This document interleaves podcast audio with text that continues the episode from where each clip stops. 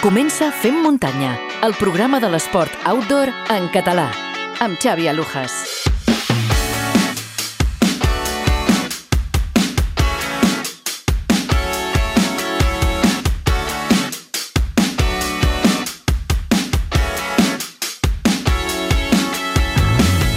Benvingudes i benvinguts al Fem Muntanya, l'espai dedicat íntegrament a la muntanya. Arrenquem ara ja el capítol 28 i com cada dijous us portem un nou programa. Moltíssimes, moltíssimes gràcies a tots per haver-nos triat una vegada més i esperem que us agradi el programa que us tenim preparat. Avui parlarem amb en Pere Aurell, viu a Matadepera i forma part de l'equip Merrell. Amb ell mantindrem una llarga conversa sobre el present, el futur i sobretot sobre el projecte Rolling Mountains. No us perdeu aquesta conversa que val molt i molt la pena. Abans, però, felicitarem a l'Ada Xinxó pel seu FKT a la Camí de Cavalls 360. Va donar la volta a l'illa de Menorca en 15 hores i 40 minuts. Només eh, res, van fer 185 quilòmetres i 3.300 metres de desnivell positiu. Sabrem com ho va viure la setmana passada. I, com sempre, tindrem el repàs a l'actualitat amb l'Albert Torrent d'ultrascatalunya.com, la previsió meteorològica amb la Mònica Usar i passarem per la consulta amb el nostre coach esportiu de capçalera, en Guillem Marchal. Ja sabeu que si voleu recuperar o reescoltar qualsevol dels anteriors programes, ho podeu fer a través de qualsevol plataforma de podcast, com per exemple Spotify, iVoox, Apple Podcast, Anchor o Google Podcast. En qualsevol d'elles us podreu subscriure i així no us perdreu cap dels propers capítols. També a la nostra web, femmuntanya.cat, trobareu tots i cadascun dels programes. A Twitter, a Instagram i a Telegram ens trobareu com Fem Muntanya a través de les nostres xarxes ens eh, podeu fer arribar els vostres comentaris tan importants per nosaltres per saber què en penseu del programa i arribar-nos i ens feu arribar doncs, les eh, vostres inquietuds. També ens podeu fer arribar les opinions a través del nostre correu electrònic femmuntanya arroba femmuntanya.cat. I, per fi, a partir d'aquesta setmana es poden dur a terme curses a casa nostra, seguint tot un protocol de seguretat sanitària. Desitjo que entre tots fem les coses bé i no haguem de fer passes enrere en les properes setmanes. Per aquest motiu, avui tenim un parell de dorsals per regalar. Estigueu atents al llarg eh, del programa perquè en qualsevol moment us direm eh, per quina cursa són aquests dorsals i què heu de fer si voleu entrar al sorteig. I abans d'arrencar, us comento que teniu una manera de col·laborar amb el programa. Si normalment realitzeu compres a Amazon, el que heu de fer és clicar primer l'enllaç que trobareu a les notes del programa o a la nostra web. Aquest enllaç d'afiliats us portarà directament al portal de compres. Així de senzill. A vosaltres no us costarà res i a nosaltres ens ajudareu amb uns pocs cèntims per cada compra. I ara sí, ja ho tenim tot preparat, ens lliguem les sabatilles i sortim a fer muntanya.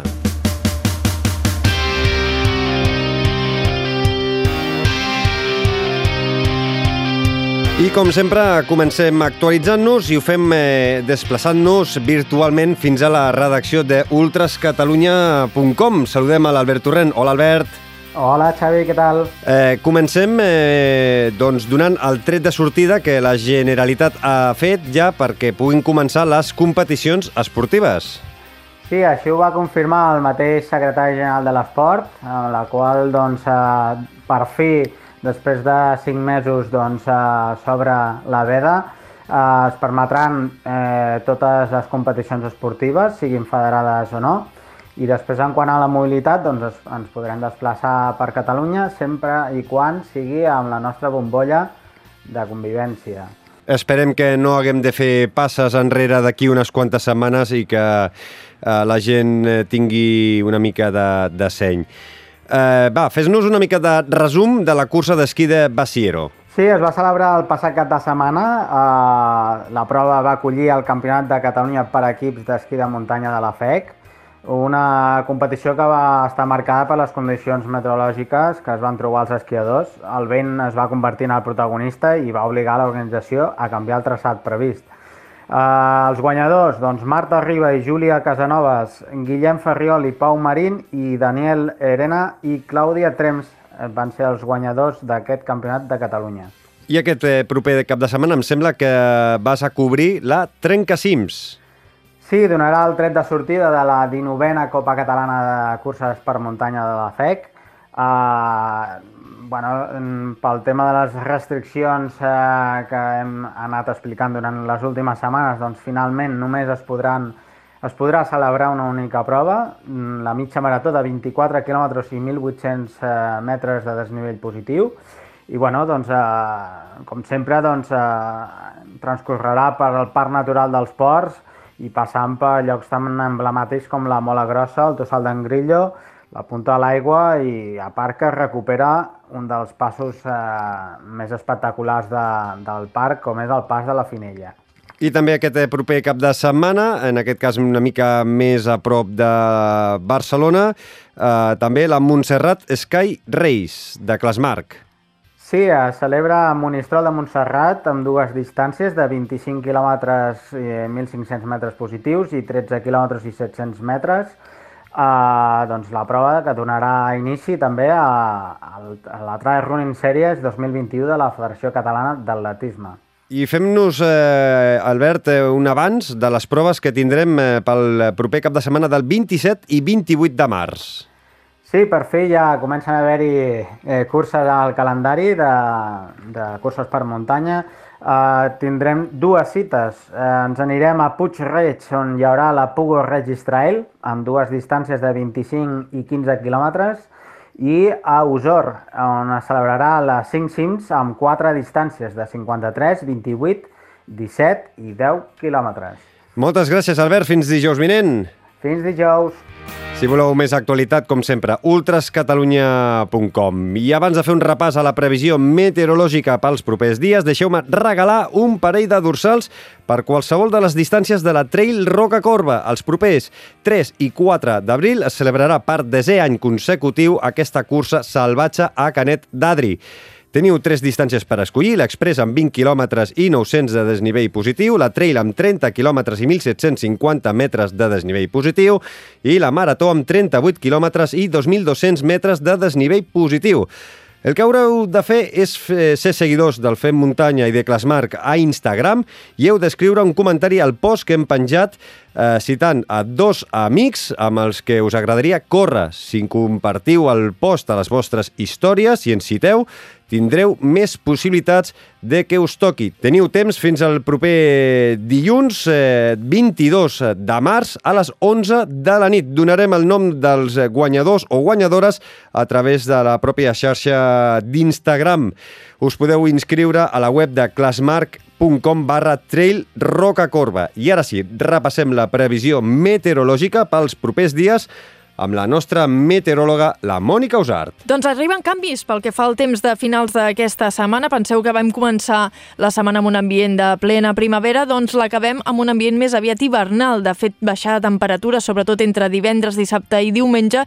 I atenció si teniu previst fer alguna cosa aquest cap de setmana o desplaçar-vos, sobretot especialment divendres a la tarda, perquè s'esperen nevades que poden arribar a cotes baixes. Penseu que divendres, a mesura que avanci el dia, els ruixats s'estan dant per pràcticament tot el país i s'esperen nevades al Pirineu, també punts del Prepirineu, sectors de l'Altiplà Central, Catalunya Central. Penseu que la cota neu estarà situada al voltant dels 400 metres tan sols al nord del país, 500 al centre de Catalunya i 700 metres al sud. Això serà divendres a la tarda. Per tant, si teniu previst fer algun desplaçament, tingueu en compte aquesta informació i aneu seguint, sobretot, les actualitzacions fins l'últim moment. Aquesta cota de neu que va baixant, baixa ella la temperatura i la nit de divendres a dissabte fins i tot baixarà fins als 400 metres a gran part del país. Això sí, la precipitació sembla que es anirà ràpid tirant la nit de divendres a dissabte i ja només quedaran alguns ruixats cap a l'extrem sud del país. I la resta del cap de setmana, més tranquil·litat. Farà sol, això sí, encara bufarà el vent, sobretot als extrems del país i també en punts de la costa, especialment dissabte, i serà un cap de setmana de moltes estones de sol,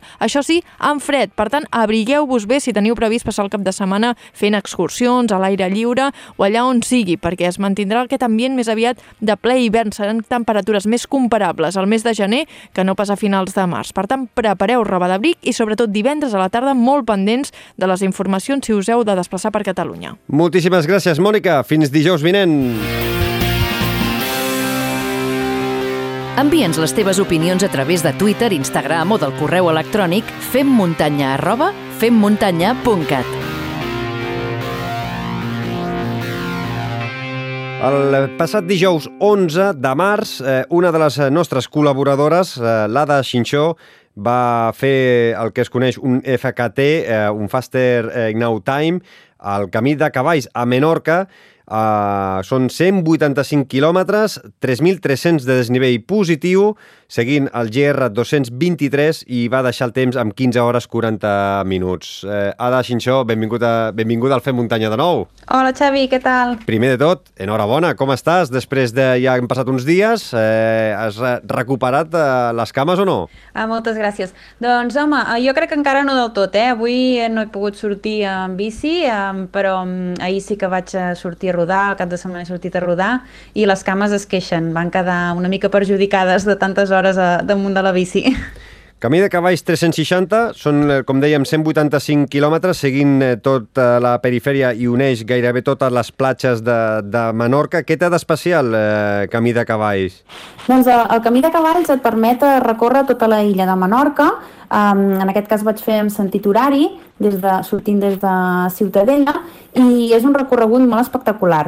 Um, va seguint uh, totes les fites de Camí de cavalls i passes tot per un munt de, de platges, de cales amb uns blaus preciosos, però el terreny eh, és, és bastant dificultós perquè és molt, molt rocós. Vale?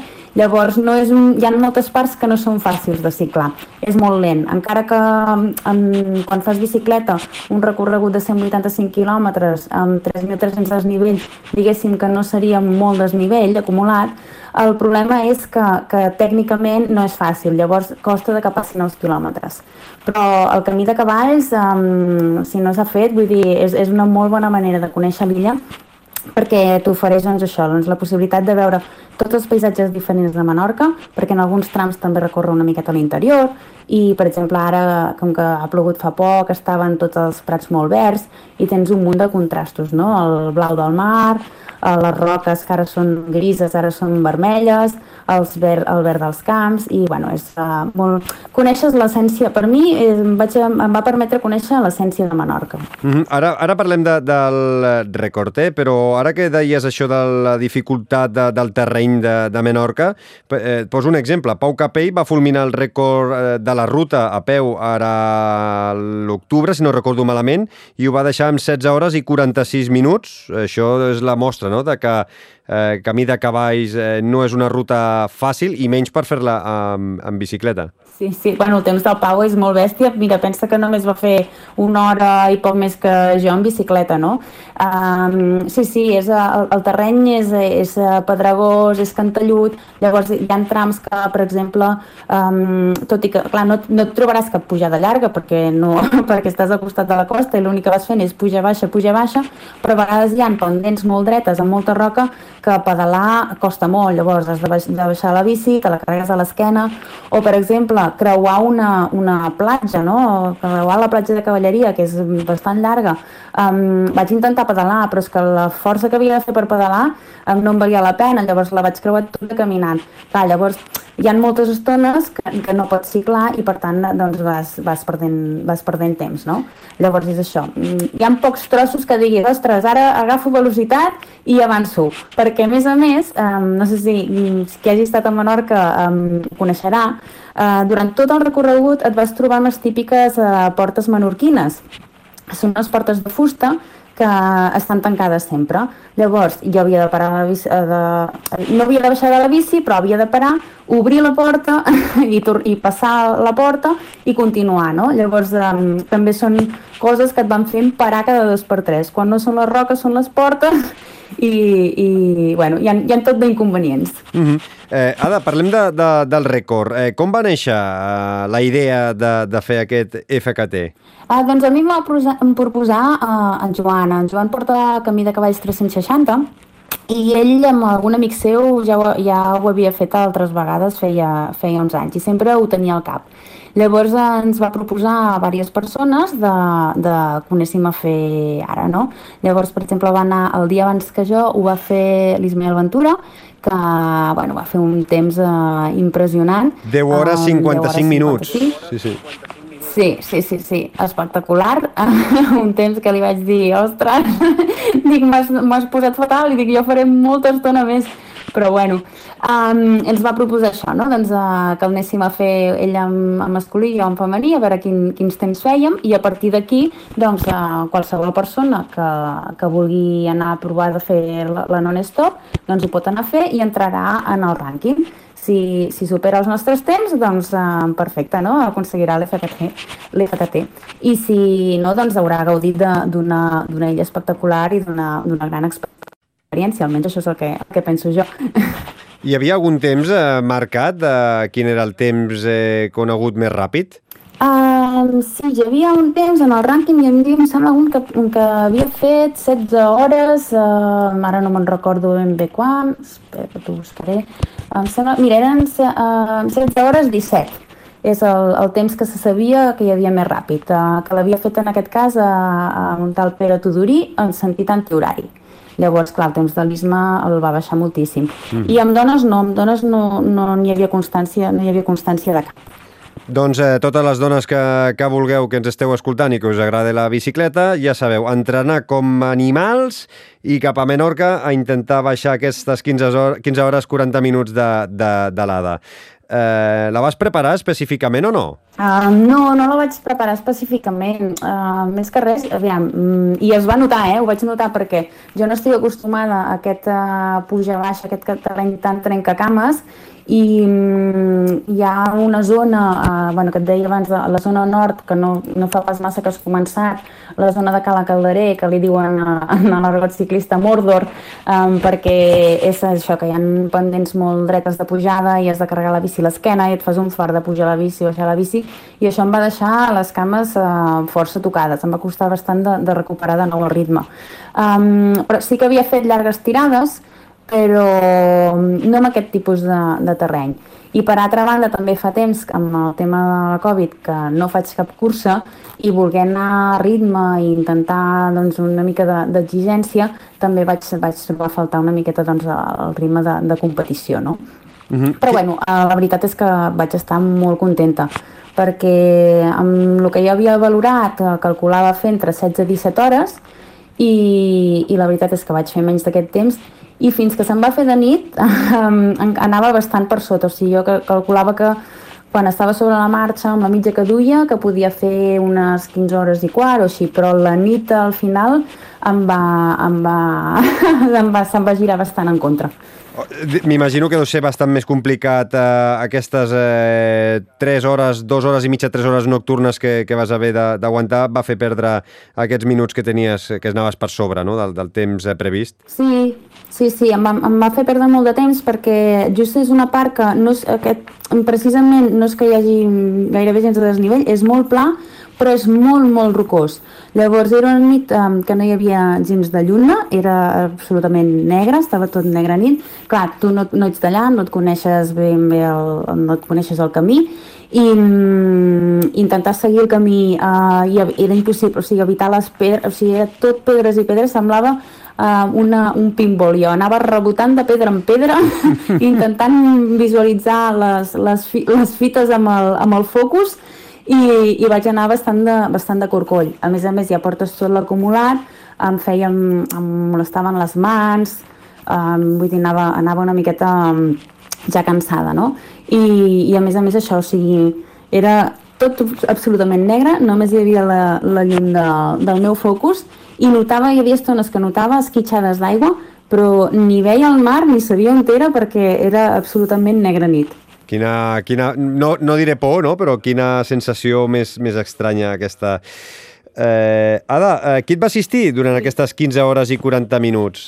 Doncs la, la gent de Camí de Cavalls 360 um, estàvem, bueno, van estar superatents, em van seguir en tot moment, um, van fer, vaig tenir com uns 8 avituallaments, per ser, jo què sé, doncs el primer avituallament, deixar els llums perquè també vaig sortir a les 6, Mm, que encara, encara era fos, doncs deixar els llums, um, canviar bidons, agafar menjar, vull dir, vaig, estar, vaig tenir molta sort de, de, de, de la seva assistència, no?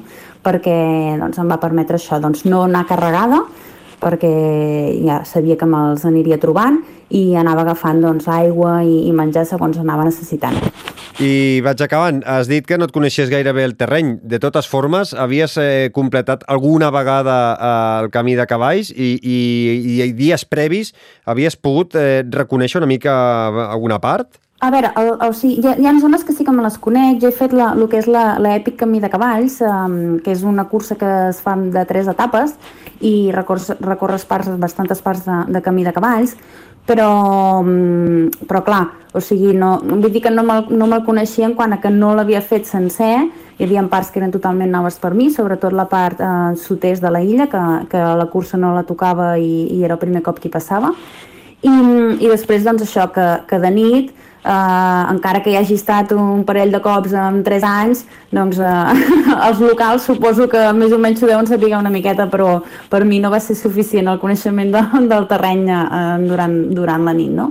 Però sí que és important, eh, per mi era important, va ser bastant important saber com era el terreny i no anar allà cegues, no? Perquè si no és el que et deia, que els números enganyen.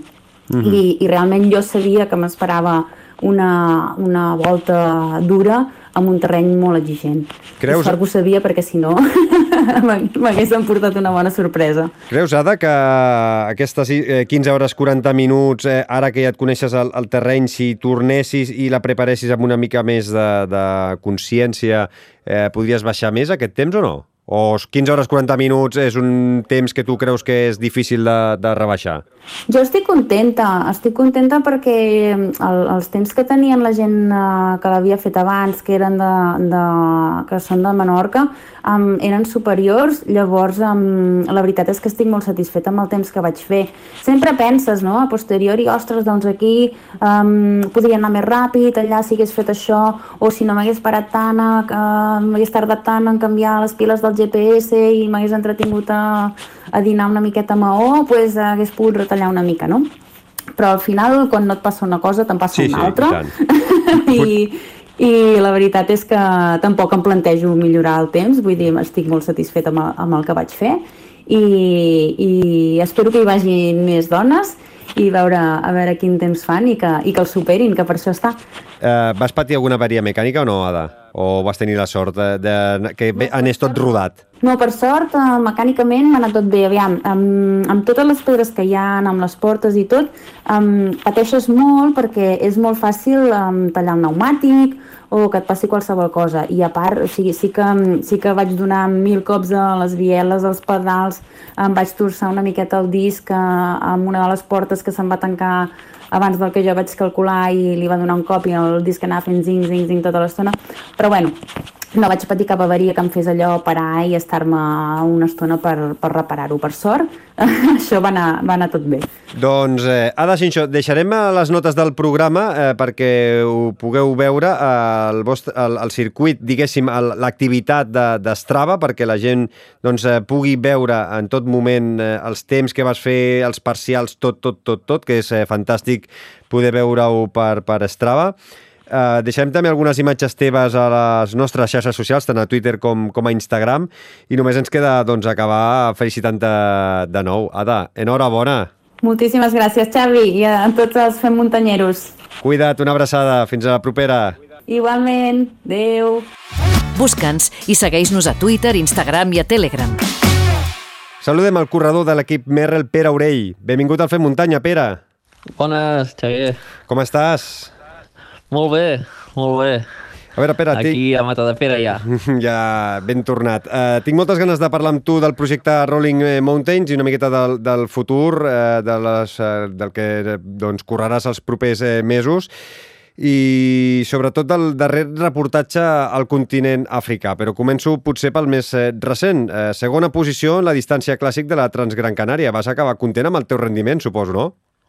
Molt content. Uh, va ser una cursa, una distància que no estic molt habituat, 130 quilòmetres, i vaig fer la meva cursa, vaig sortir el meu ritme i sí que al principi anava potser el 15 o el 20, però no em preocupava i a meitat de carrera ja anava líder, uh, per sorpresa, i vaig seguir fent la meva cursa fins, bueno, fins que al quilòmetre 80 i pico em va atrapar el francès, el, l'Aurel d'allà, bueno, l'Aurelien, Sí.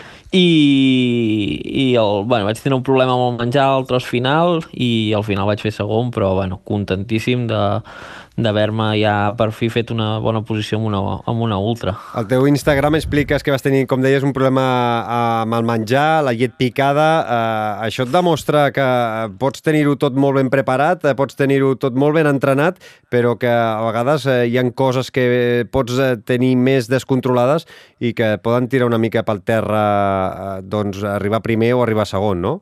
Sí, el hàndicap d'aquesta cursa era que, bueno, que no podies tindre assistència externa, per tant, tu tenies que portar tot a sobre, excepte tenies una bossa de vida, que era aquí en el quilòmetre 87, jo hi tenia llet d'arròs amb, amb un producte dins i després sopa, eh, pasta, i les dues coses que tenia per endur-me pues, se'm van fer la, la llet d'arròs la tenies que deixar dos dies abans i se'm va, se'm va fer malbé i, i després també la sopa que em tenia que prendre pues, el caldo, bueno, dir, la pasta es va tragar tot el caldo i no em sortia dins del, del, del termo per lo que no vaig poder menjar Mazacote, el que es coneix com a mazacote. Sí, sí, i no em sortia dins, vaig començar a picar, però res, no sortia res, i, i bueno, vaig tindre que sortir amb el que tenia, i, i al cap de 10 quilòmetres pues, ja les cames em demanaven tregua i vaig tindre que afluixar, però bueno, segona posició, molt content, i ara preparant ja la Patagònia, que queden pocs dies per, per córrer allà. Uh, Pere, hem vist una, uh, una fotografia que us va fer el Jordi Saragossa just abans de la sortida, en la que se us veu a la Ragna i tu amb una mirada de complicitat total. En aquells moments de tensió i nervis, què és el que us dieu per animar-vos una mica? Bueno, és una sort uh, tindre la teva parella just al costat en una cursa que l'has preparat tant, que tens nervis a flor de pell i et tranquil·litza, et tranquil·litza, em va donar... Bueno, uh, em va dir que en aquells moments em va vindre, em va fer un petó i em va dir que, que estava molt fort, que havia entrenat molt bé i que la cursa m'aniria bé.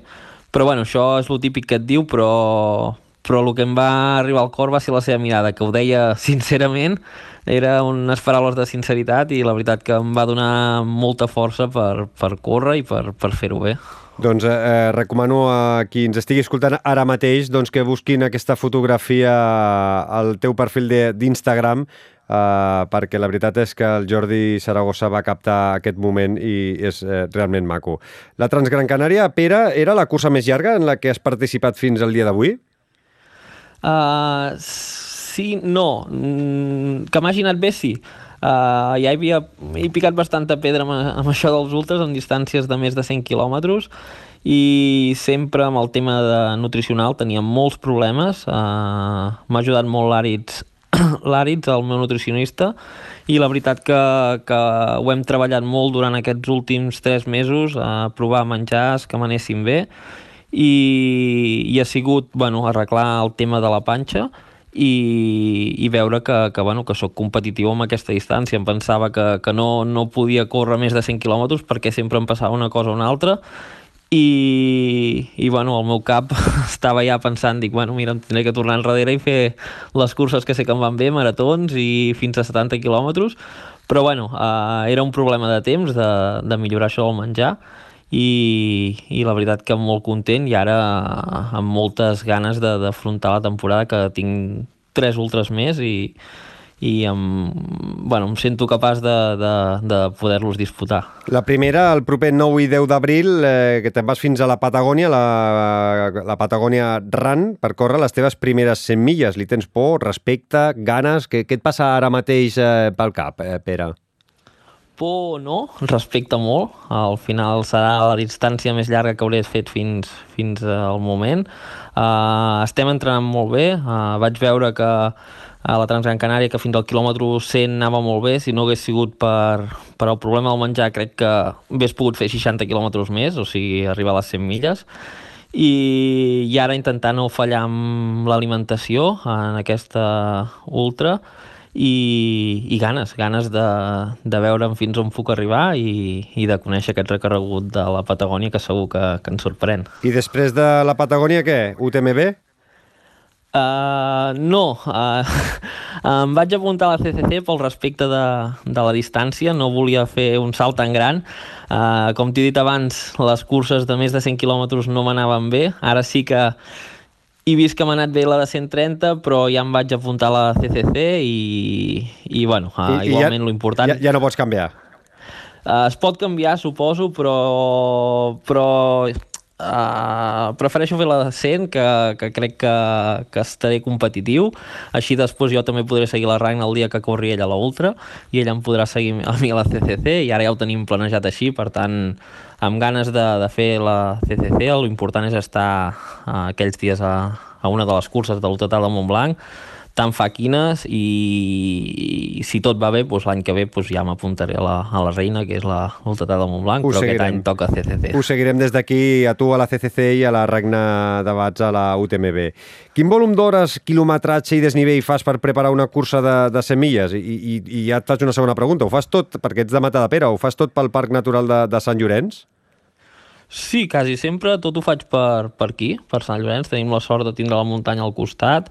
Uh, és un terreny, si vols, pot ser molt tècnic, si vols, pot ser molt corredor, per tant, ho tenim tot. Sí que potser et faltaria un desnivell més alt, però, però al final, uh, amb la força que fem, amb el treball específic de força, ja ho guanyem, tindre aquesta força a les cames per, per afrontar desnivells més alts i no fem molts quilometratges uh, uh, jo i la Ragna Uh, fem uh, uns 100 i, pico, 100 i pocs quilòmetres a la setmana, més la bici.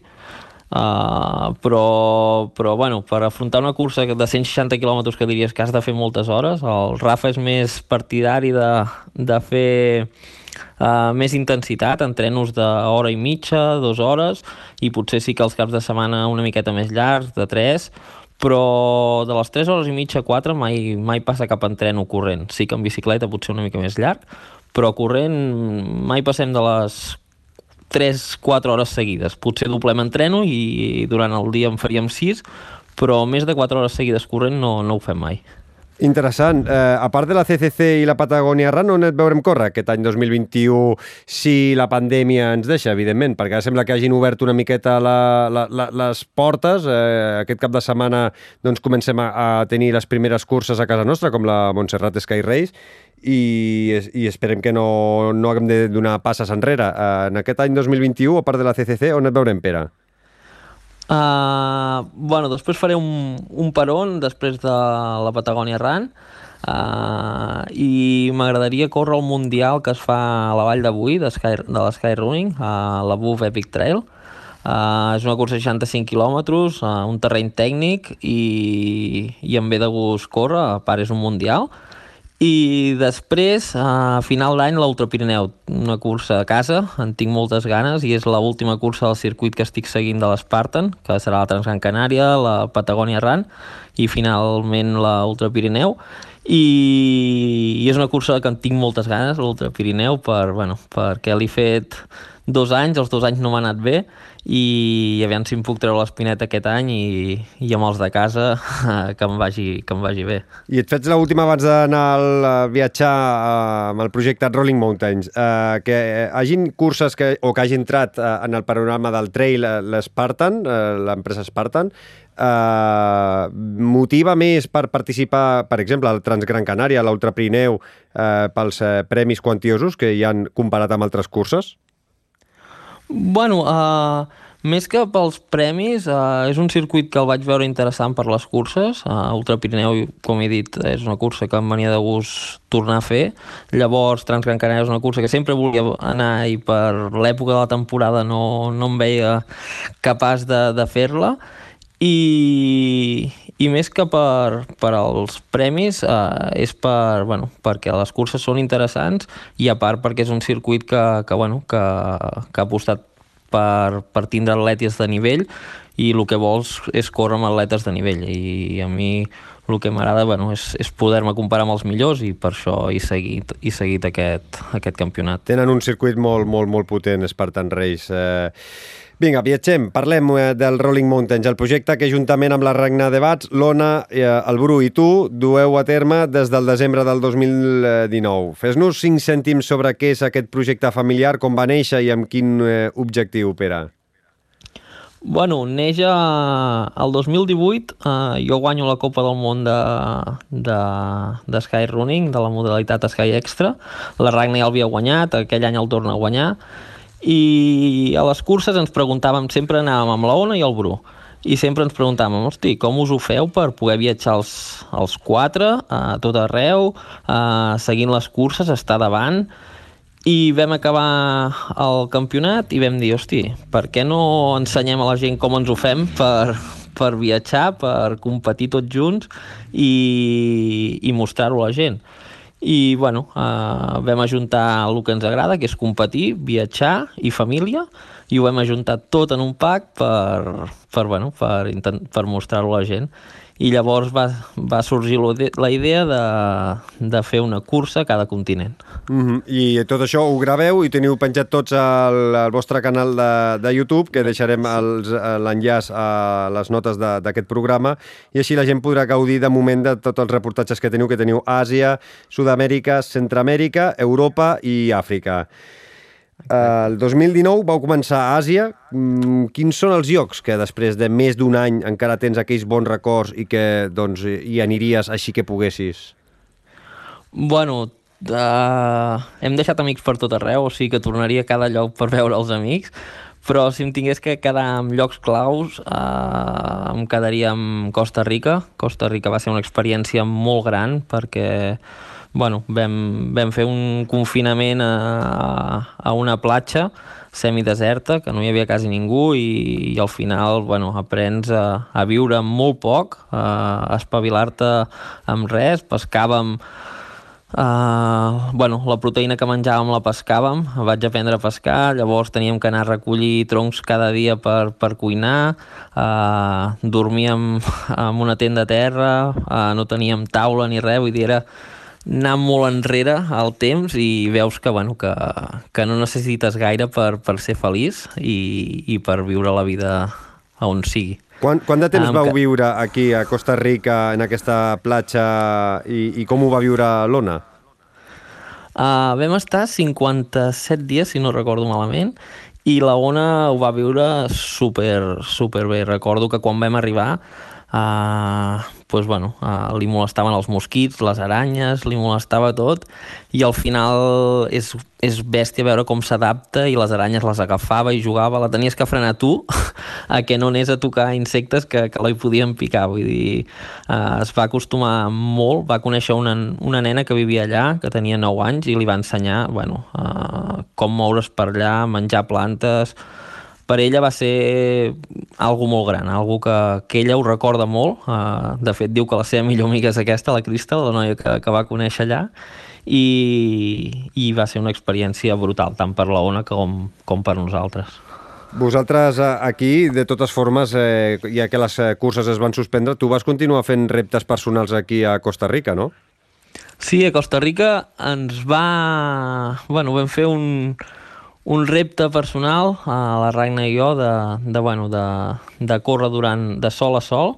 Teníem una pujada que feia uns 400 metres de desnivell i vam, bueno, vam fer el màxim de cops possibles de sol a sol pujar i baixar aquella muntanya i la veritat que va ser un repte molt dur perquè la temperatura allà és molt alta, la, la, la humitat i la xafogó que fa és molt, molt gran i bueno, eh, jo crec crec recordar que amb, amb aquell dia vaig veure uns 17 litres d'aigua amb, amb l'activitat. Sí, eren 12 hores i vaig veure 17 litres d'aigua, o sigui que perquè et, uh, vegis la calor i, i el que perds uh, amb, una, bueno, amb un ultra el que perds, però allà el que, el que perds amb, amb, amb la calor i humitat que hi havia va ser algo molt dur però, però molt, molt gratificant. Ara et pregunto, uh, per exemple, eh, la Transgran Canària, uh, aquí clar, són 17 litres amb, amb, amb poc més de 12 hores de, de sol a sol, uh, uh, surt a un litre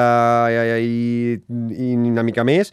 A la Transgran Canària, quant aigua, quanta aigua pots arribar a veure uh, per hora, aproximadament? Ho teniu calculat? Ho tens calculat? Uh, sí, a la Transgran Canària jo, com també és una cursa que es corre de nit, que no veig tant, uh, bec uns 500, 600 mil litres l'hora, 600, 700 com a molt. Es nota O sigui la diferència de bastant menys. temperatura i humitat eh, sí, a part, va fer. sí, a part la Transgran Canària aquest any va fer bastant fred a la zona de la nit i, i tampoc et venia tant de... Be, bevies perquè al final has de beure, però tampoc el cost t'ho demanava tant com, com quan fa calor. Eh, veritat. vau estar a Sud-amèrica, vau pujar a la Concagua, va ser un dels principals objectius, no? Sí, uh, el que fèiem a cada continent era una cursa i, i un repte personal. I el repte aquí a, a Sud-amèrica va ser pujar a la Concagua. Jo ja l'havia fet tres cops i, i sempre havia tingut el desig de fer-ho amb la Ragna i mira, va anar tot perfecte per poder-ho fer. Uh, va ser un dia dur per la Ragna, sobretot, perquè li va agafar un virus dos dies abans a la panxa. Es va quedar molt dèbil, però bueno, uh, és una fora de sèrie, no sé d'on treu les forces, perquè no podia quasi caminar uh, quan va sortir de, de la tenda i, i va acabar fent cim i, i baixant un altre cop al camp base. O sigui que és algo bestial veure la, la força que té mental la, la Ragna. De fet, m'ha ensenyat a mi bastant veure la, que el cap és, és el múscul més important del cos i que, que si el cap pot, les cames t'acompanyen. És al·lucinant de, de veure el- els cinc eh, reportatges, eh? però el que dius, eh? veure la Ragna com tira de, de tota la família en moltes ocasions i, i és, és, és, és, és, és molt recomanable de, de, de veure que segur que molts de nosaltres eh, n'aprendrem eh, molt. Eh, vau poder tornar a casa, eh, què, el mes de maig-juny? Sí, al juny tor vam, tornar, vam tornar a casa de Costa Rica. Uh, la cosa estava ja una miqueta millor per poder agafar l'avió per tornar a casa. Vam tornar, teníem ganes també de veure la família, feia pues, des del desembre que no veiem a la família i, i en teníem ganes.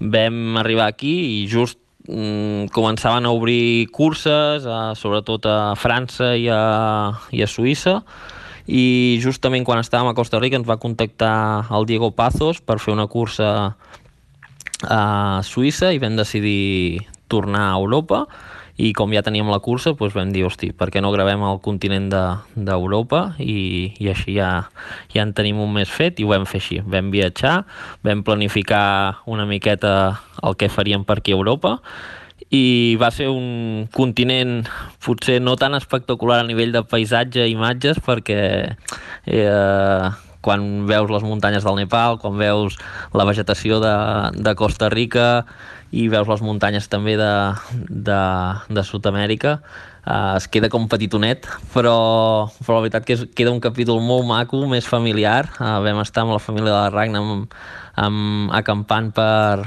per Itàlia eh, i Suïssa, molt xulo i, i la veritat que va ser una experiència molt, molt bonica. Mm, Ara que es eh, comentaves això de, de que els Alps queden petits quan veus eh, muntanyes eh, nepaleses i, i que veus la Concagua també, eh, m'ha fet recordar que dos estius, no, no he pogut viatjar tant, eh, però vaig estar dos estius pels Alps, eh, veia, a, a la Terbrunnen, eh, el, a, veient a Zermatt, veient el, el, el, el Cervino, i l'any següent van, van venir aquí els Pirineus, per la, per la part dels eh, Pirineus francesos, i recordo que el primer any de veure els Pirineus francesos eh, per Gavarní eh, el vaig trobar tot plegat petit, eh, veient aquelles Les moles, no? És a dir, sup suposo que és la, la, al revés, quan tu vas a, a, al Nepal i veus eh, algun, aquelles moles de 8.000 metres, quan vens als Alps i veus moles de 4.000, queden petites. M'ha sí, fet recordar... les dimensions són petites, es veu més petit, però alhora és espectacular, eh? Vull dir, al final, quan, quan veus uh, el que has dit Gavarní és espectacular, les muntanyes, el Taillon, el Marboé, Sí, sí. sí, totes les muntanyes que tens allà són espectaculars, però en petit. Sí. és, és quan, molt quan, més... quan vens dels Alps veus Gavarní Sí, petit sí. i dius, però sí, és, Sí, és sí. enorme, és preciós. Sí, sí, sí. Uh, sí, de totes formes, aquí als Alps vau poder fer moltes curses uh, en poc més d'una setmana. Sí, vam, vam tindre la sort que van obrir, van obrir la veda de, de carreres i, i vam fer dos ultres en, en poc temps. Uh, la veritat que jo un vaig tindre que abandonar i per això vaig fer el següent ultra i el següent ultra el vaig acabar patint molt, uh, uh, eren 130 quilòmetres i 8.600 positius, una bestiesa de, de desnivell. I vaig patir molt, però bueno, uh, sabia que tenia que acabar, no podia plegar. Tots els ultres que feia anava plegant i vaig dir, mira, aquest acabo com sigui. I va ser bueno, també una superació personal de, de veure que, que el cos uh, de vegades t'abandona, però que si, si li fiques ganes i, i el cap vol, doncs pots seguir caminant o com sigui i, i acabant la cursa. I en aquest quart eh, documental, el d'Europa, expliqueu com us vau conèixer la Ragna i tu. Eh, escolta, el que li va impressionar de tu la, la Ragna. This region, he is very famous because of his strong legs. And I was really curious to get to know this person. so finally, in a meeting of the Catalan selection, I, I met him in person and was also amazed by his legs, of course. He was uh, like he made a lot of jokes, and we kind of uh, yeah got in touch, started talking to each other a little bit. La Ragna diu que li van impressionar les teves cames. Uh, crec que a molts ens impressiona. De fet, en algun post de, del teu Instagram també t'ho vaig comentar. Uh, quin és el secret? Pere, genètica, entrenament dur? O la culpa la té tota Rafa Flores, el teu entrenador? Bueno, sobretot és genètica. Al final sempre he tingut aquestes cames grosses. Eh...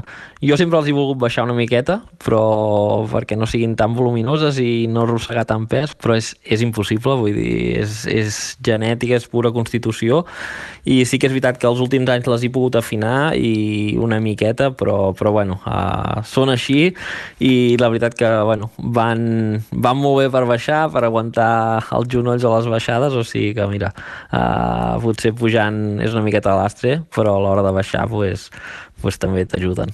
No les eh, afinis tant, que ja saps que a la Ragna li, li agrada. No, la Ragna li agrada, sí, sí, va conèixer abans les cames que a mi, o sigui que, com ha dit.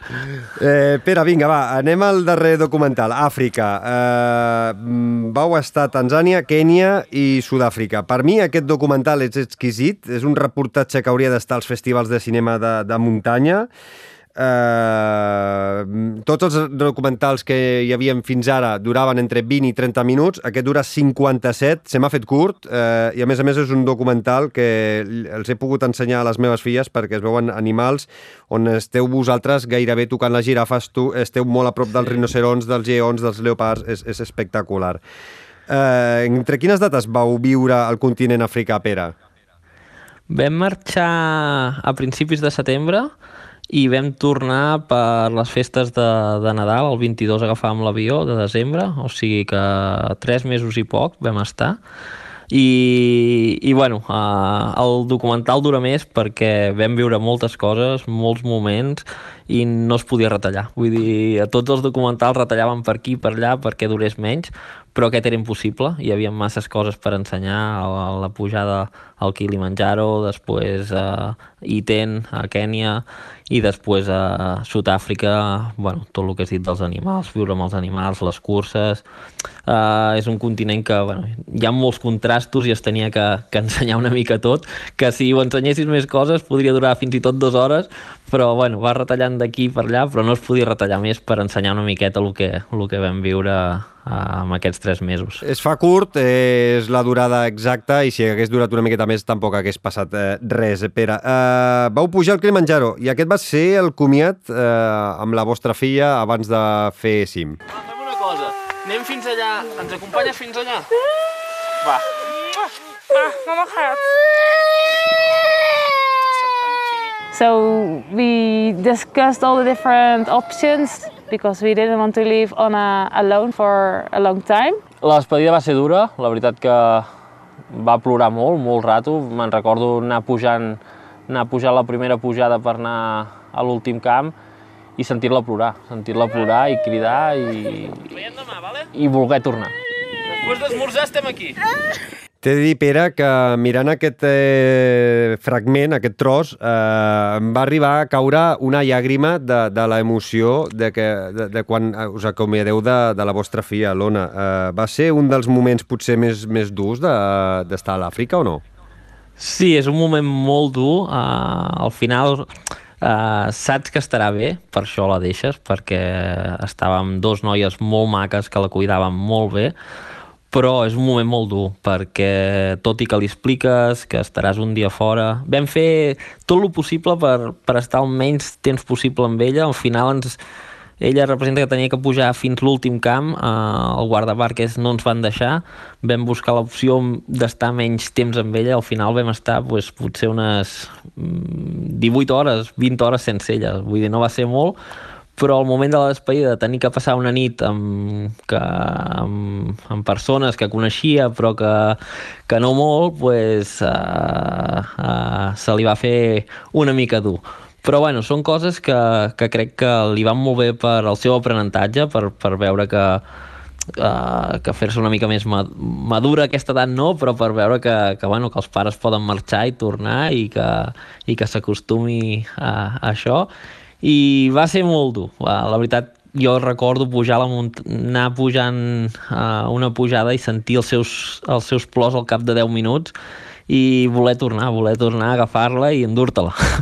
però, però bueno, uh, al final va anar tot molt bé, vam fer el cim uh, i vam tornar amb ella i, i llavors quan arribes i veus que està contentíssima, t'explica tot el que ha fet, uh, que s'ho ha passat molt bé, que ha jugat això, que ha fet l'altre i et i et rep amb un ram de flors que ha buscat per allà, vull dir, al final veus que s'ho ha passat bé i que no ha sigut, no ha sigut tan dolent com a pare d'haver marxat unes hores. És molt xulo veure com l'Ona s'adapta perfectament allà on esteu, s'adapta perfectament a, a, a, viure doncs, a, amb gent eh, de Kènia, per exemple, també és, és, és increïble com la facilitat que tenen els nens petits per adaptar-se a tot, eh? I, I que bé que s'ho passen perquè tot és nou i, i veuen coses que només han vist per la tele o amb llibres.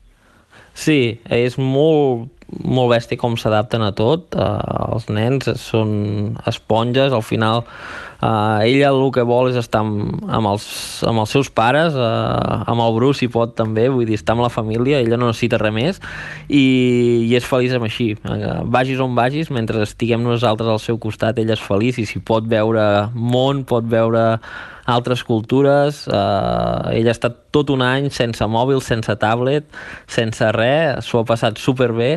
Vull dir que al final crec que aquí estem massa ben acostumats de sempre tindre-ho tot i ella poder veure que, que hi ha nens a Kènia que només juguen amb unes pedres que se les ingenien a fer un aro i córrer amb un aro pel carrer i s'ho passen bé i els veus riure tot el dia, doncs això que ella ho vegi eh, jo crec que, que se li obre un món al cap molt, molt gran. Mm -hmm.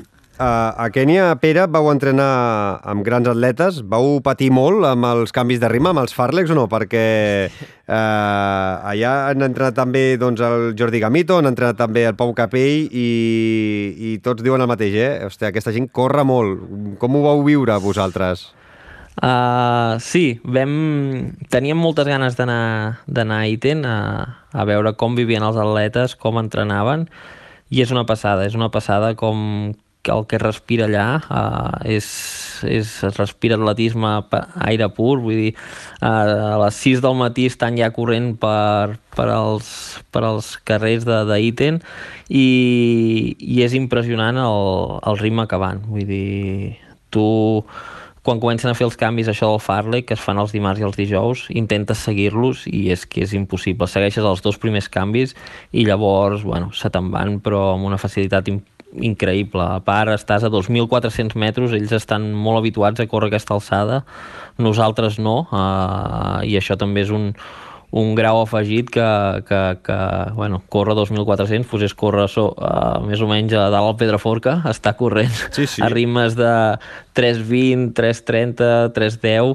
i ells ho fan molt fàcil, però, però per nosaltres, uh, que som atletes a més de muntanya, no tant, no tant d'asfalt, uh, ens costa i... Però, bueno, però millores molt, millores mm. molt, veus com, com ells com ells viuen, el que mengen, com, com ho dediquen, es dediquen amb cor i ànima a intentar ser, ser professionals i, i veus que no tenen res i que, que lluiten per, per intentar poder mantindre les seves famílies en un futur. Vull dir, és, és molt maco de veure.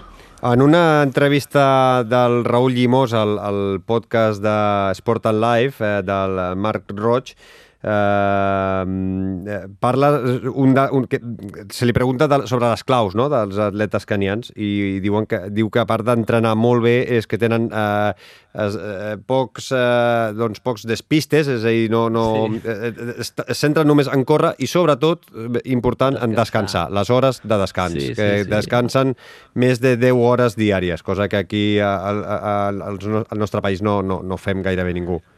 No, ells es lleven molt d'hora, fan el primer entrenament sobre les 5 i mitja, 6, uh, després descansen tot el matí, uh, dinen, tornen a entrenar una miqueta a la tarda i tornen a descansar fins a l'endemà. O sigui, la seva vida és córrer i descansar, córrer i descansar. I no tenen distraccions, mm. és el que dius, i, i amb això es passen els dies ells. Eh, Pere, creus que la, la irrupció d'atletes canians en el trail tindrà una continuació i, i que tindran èxit? Uh, sí, crec que, que ho poden fer molt bé, s'han d'adaptar a les curses, sobretot que siguin més tècniques.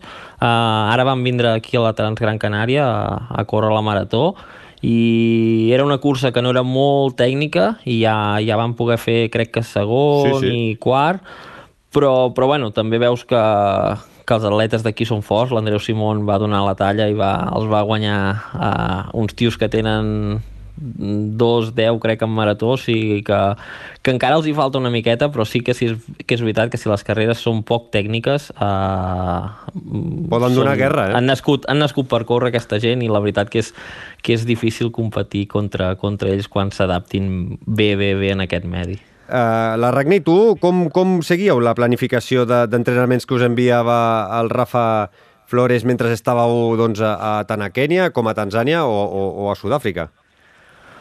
Uh, durant tot el viatge ha sigut molt difícil seguir els entrenaments, seguir uh, a rajatabla el que és uh, ser atleta professional. Uh, la idea era fer-ho tot perfecte uh, a Àsia, després a Sud-amèrica, però, però vam veure que era molt difícil i bueno, va, vam intentar disfrutar al màxim de lo que vivíem i no dedicar-nos tant a córrer, córrer, córrer, perquè al final deixaves de fer moltes coses et perdies moltes coses per tindre que entrenar.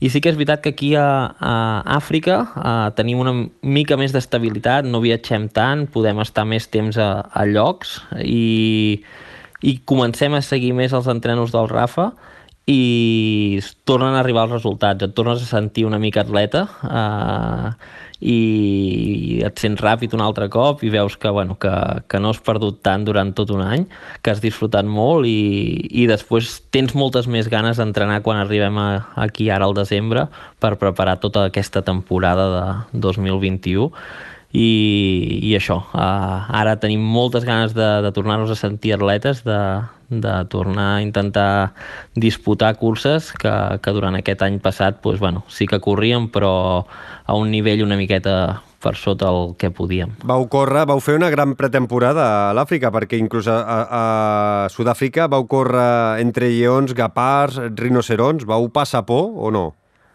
Sí, uh, va haver un moment amb els lleons, sobretot, que, que vam passar por uh, perquè bueno, ens vam allunyar una mica més del vehicle de lo que, de lo que teníem, bueno, uh, ens havia dit la noia. I, i va haver un moment que vam veure els lleons de cop, els teníem a 150 metres i va ser anar corrent ràpid cap al cotxe i la sorpresa de veure que el lleó feia potser pff, dos minuts que havia caçat una presa, que al final aquella presa haguéssim pogut ser nosaltres i, i veus que, bueno, que, que no és tan que no és tan maco córrer al costat d'aquests animals, vull dir, has de tindre-li molt respecte perquè, bueno, són animals que bestialment, bueno, són molt grans, són, tenen una força descomunal i, i els vam tindre una miqueta, els hi vam perdre el respecte durant 10 minuts i, i hagués pogut ser un fallo molt, molt gran. Uh -huh. Uh, Pere, quin, és el, quin era el pressupost per cada reportatge i sobretot amb aquest cinquè capítol d'Àfrica? Perquè, clar, uh, les, la qualitat d'imatges és espectacular, sempre s'us veu a vosaltres uh, corrents, hi ha imatges aèries... Uh, portàveu un, un equip de persones amb, amb vosaltres per poder gravar tot això?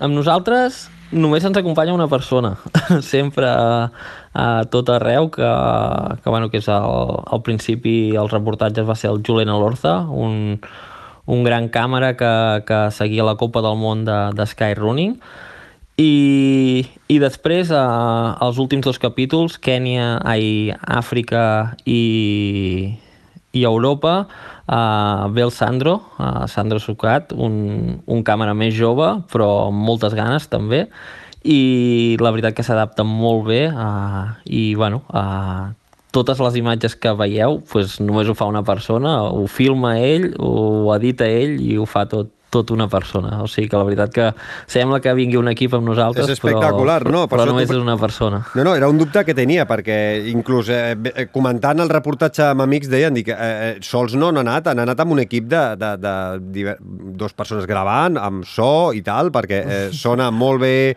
si us veu a vosaltres corrents amb imatges de dron, amb, amb travelings, eh, està molt ben rodat eh, i té molta, molta qualitat. Sí, són moltes hores gravades, la veritat que potser per un capítol que dura una hora doncs té més de 100 hores gravades, o sigui, és, és tan dur per ell com per nosaltres gravar, al final hi ha molts moments que, que no et ve de gust fer coses i has de córrer i fer això i l'altre, però, però bueno, eh, el resultat dels vídeos val la pena perquè, perquè bueno, després acaba sortint el que és viscut allà i és la veritat que, que molt, molt, molt maco. Sempre heu fet una miqueta el que heu volgut, no? És a dir, sobre la marxa, anar mig improvisant i, i anar pactant Sí. amb, amb el Sandro, que és el que volíeu, i, i, i que ell també es pogués preparar una mica, no?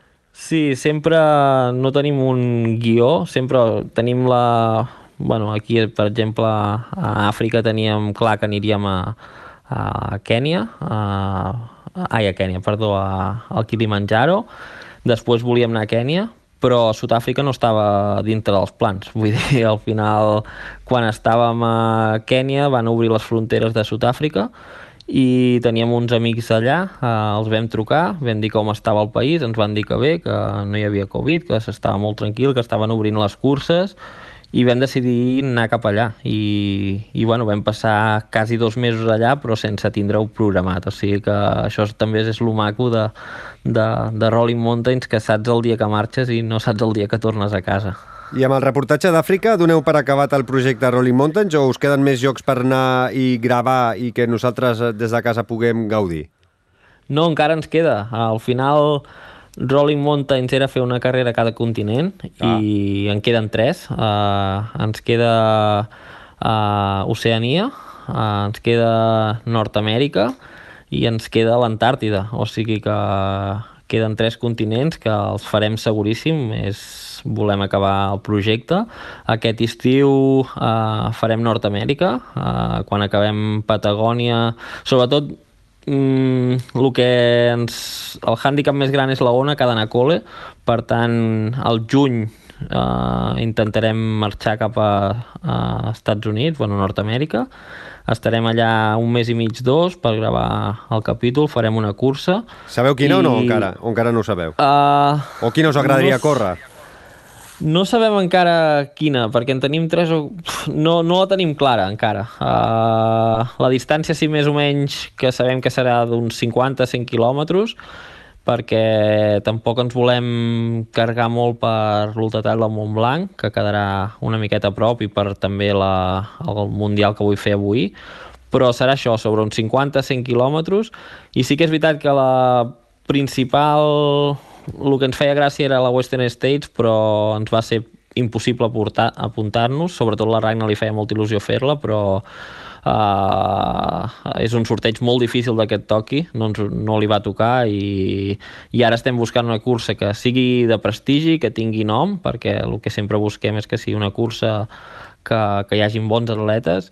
I, i res, no sabem encara quina serà uh, de, uh, com quan la trobem ho publicarem a les, a les reds perquè la gent sàpiga on anirem però ara per ara encara no, no tenim la cursa decidida La Hard Rock, eh, què? No us, us crida la no? Hard Rock també és tres quarts del mateix, és molt difícil, és la que a mi em feia il·lusió, la Ragnar li feia la Western States, a mi la Hard Rock, però apuntar-se és super complicat, a part de que per entrar al sorteig has d'haver estat en una organització, eh, fent, bueno, eh, havent estat fent d'avituallament o en una altra, vull dir, et demanen molts requisits a part de després el sorteig, vull dir que no és, no és fàcil poder córrer a curses als Estats Units de renom perquè han de passar tots per, per el mateix aro i és, és complicat. I a Oceania i Antàrtida, que ho deixem per més endavant o pel 2022? Uh, L'Antàrtida volem fer-ho a final d'any. Uh, ens agradaria... eh, L'època bona per anar-hi és a partir de entre novembre i desembre i intentaríem anar-hi aquest final d'any i sí que Oceania seria l'any que ve perquè bueno, uh, està tancat el país encara, no han obert, Austràlia està tancat, uh, Nova Zelanda també no deixen entrar gent de fora i bueno, ara fa dies que no ho miro però fins fa poc uh, era així i, i ho deixarem pel 2021 que suposo que... Ai, 2022, 2022. suposo que que la gent estarà més vacunada potser i, i ja es podrà començar a moure més la gent i, i acabar-ho el 2022, si tot va bé, a poder acabar poder acabar Rolling Mountains pues, a, el 2022. I nosaltres que, que ho gaudirem i que tenim ganes que, que vosaltres disfruteu, que ho pugueu gravar i que ho puguem veure a casa. Eh, Pere Aurell, un plaer haver compartit aquests minuts eh, al Fem Muntanya amb tu. Eh, desitgem tota la sort a la Patagònia Ran, a la CCC i a tot el que se tiri per davant, que de ben segur que sempre estaràs allà donant eh, guerra com sempre. Moltíssimes Molta sort. gràcies, Xavi. Cuida't molt, una abraçada. Fins la propera. Una abraçada. Adéu. Visita la nostra web femmuntanya.cat. Després d'aquesta llarga conversa amb en Pere Aurell, passem per la consulta del nostre coach esportiu de capçalera, el Guillem Marchal, és llicenciat en Ciències de l'Activitat Física i l'Esport i Master Coach per la International School of Coaching. Molt bones, Guillem. Molt bones, Xavi i família muntanyera. No et queixaràs avui de les perles que ha anat deixant el Pere durant l'entrevista.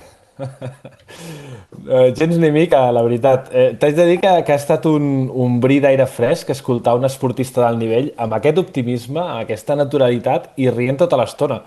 La veritat és que m'ha encantat, eh? Fins i tot quan, quan parlava d'una cosa no tan bona, ho feia des d'una perspectiva positiva i, i sobretot que no semblava que ho fes de manera falsa o impostada. Sincerament, encaixa la personalitat amb els resultats que està obtenint. Em sembla, Guillem, que ja som dos més al seu club de, de fans, no? Doncs, doncs sí, per la meva part segur i suposo que per la teva també. Sí, bueno, escolta'm, d'ell i de la Ragna i sobretot de l'Ona, la seva filla, eh? Des d'aquí us dic, amigues i amics de Fem Muntanya, que no perdeu l'oportunitat de veure els documentals de Rolling Mountains si encara no ho heu fet, perquè són una autèntica delícia pels que ens agrada l'aventura i la muntanya. I també descobrireu que la petita dels Aurell de Bats donarà més feina que els pares el dia que es calcin les bambes de córrer. No, no, et dono tota la raó. De fet, a les notes del programa o a la nostra web podreu trobar la manera de recuperar els cinc documentals que hi han publicats fins, fins avui. A veure, Guillem, digue'm, eh, què és el que t'emportes de- d'aquesta xerrada curteta, eh? sí, uh, així, comprimida. Doncs uh, el millor d'aquestes xerrades uh, és que, és que no, no m'ho emporto només jo, sinó que tots els fem muntanyeros i fem muntanyeres. Però si li hagués de posar un titular, jo li diria una mirada val més que mil paraules. I això, parlem de trail running o d'una altra cosa? Uh, parlem, parlem de trail running, tot i que tu hagis fet un moment de Sálvame Deluxe quan li has tirat el tall de la Ragna parlant de les seves cames. és que, eh, eh, bueno, però és que està en el documental i, i a més a més em sembla a mi que eh, en algun post ja fa uns quants mesos també li vaig comentar, vull dir, és que clar, és el que més impressiona. No, no, i tant. Eh, No, però seriosament, per mi la part més inspiradora és quan parla de la sort que és tenir la parella quan has de sortir a fer una cursa i com, al marge de les paraules que et pugui dir, la seguretat de que t'anirà bé te la dona amb la, amb, amb la mirada, amb aquella mirada. I estic segur que molts i moltes de les que ens esteu escoltant, inclús tu mateix, eh, eh, es senten identificats. Doncs sí que tens tota la raó, eh, Guillem? Eh, a més a més, és una gran fotografia que el Jordi Saragossa va poder plasmar eh, aquesta mirada de complicitat. I, I per mi mateix també és superimportant saber que, que la meva dona està allà i que em recolza de totes totes, independentment de la bogeria que, que em plantegi. I encara que no digui res per motivar-me, eh? Perquè creus que és tan important això de que és més important el gest que no les paraules? Doncs bàsicament perquè abans d'una competició, d'un repte important, eh, ens apareixen els dubtes, les inseguretats, els nervis, etc. Segur que us sona allò de pensar si estic prou preparat, si aguantaré el que em ve per davant, si obtindré un bon resultat, etc. Bé, a mi em passa cada cursa, eh, gairebé. I com més llarga, eh, més preguntes i més eh, funciona el cap a vegades. És clar, és clar. És el moment de més tensió, possiblement, i, i, i on més vulnerable ets, i just en aquest moment no necessites que ningú et digui el que has de fer, com ho has de fer o què et motivi de cap manera. Aquell és el moment en què necessites que una mirada et doni la serenor i la seguretat de que pots fer el que et proposis i que, indif in, o sigui, indiferentment del resultat, estarà orgullós de tu i t'esperarà amb un somriure. Bé, eh, ostres, explicat així potser em genero més pressió, no, Guillem? No, al contrari, Xavi, eh, i família muntanyera. Explicat així us genereu la seguretat de que esteu plenament preparats per fer front a tot el que teniu per davant. Penseu fredament. Per això dius que una mirada val més que mil paraules? Efectivament, eh, recordeu que fa uns programes vam parlar de que la motivació és intrínseca a cadascú de nosaltres. Els únics que ens poden motivar o que ens podem motivar som nosaltres mateixos. I potser de vegades és important que hi hagi algú altre que ens recordi del que som capaços o que ens repassin les virtuts que tenim que ens fan especials. Però l'única realitat és que el que veritablement ens cal és sentir l'energia que ens empeny i això, la majoria de vegades, ho sentim amb, un, amb una simple mirada, una carícia, una abraçada. Per tant, ens dius que, que és més important que ens mirem.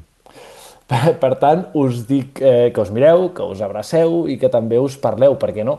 La qüestió és bàsicament el que heu d'aprendre d'avui i que el Pere Aurell ens ha explicat amb una imatge extraordinària d'ell i la Ragna a la sortida d'una cursa és que en realitat el missatge és el menys important quan li vols fer veure a algú que li tens plena confiança i que pot comptar amb tu incondicionalment.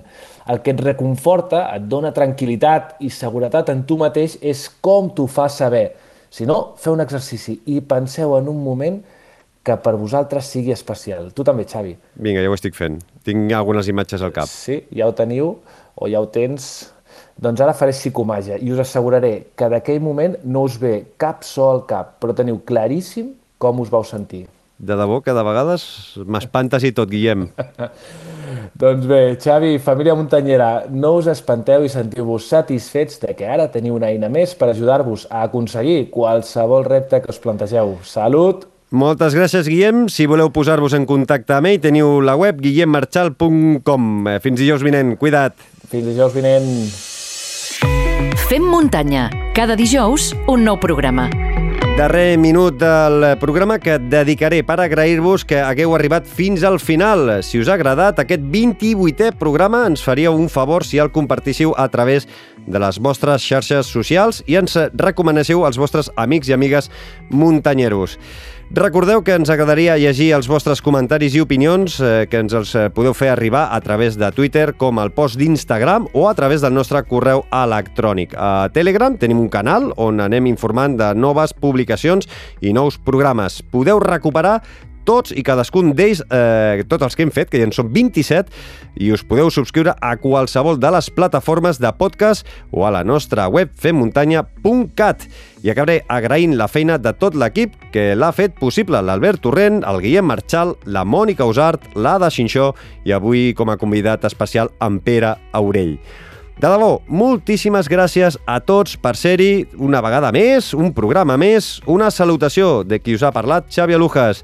Tornem dijous vinent amb més històries i, sobretot, molta més muntanya. Fins llavors, gaudiu de la setmana amb salut, seny i muntanya. Busca'ns i subscriu-te a qualsevol de les principals plataformes de podcast. Spotify, Apple Podcast, iVox, Google Podcast i moltes més.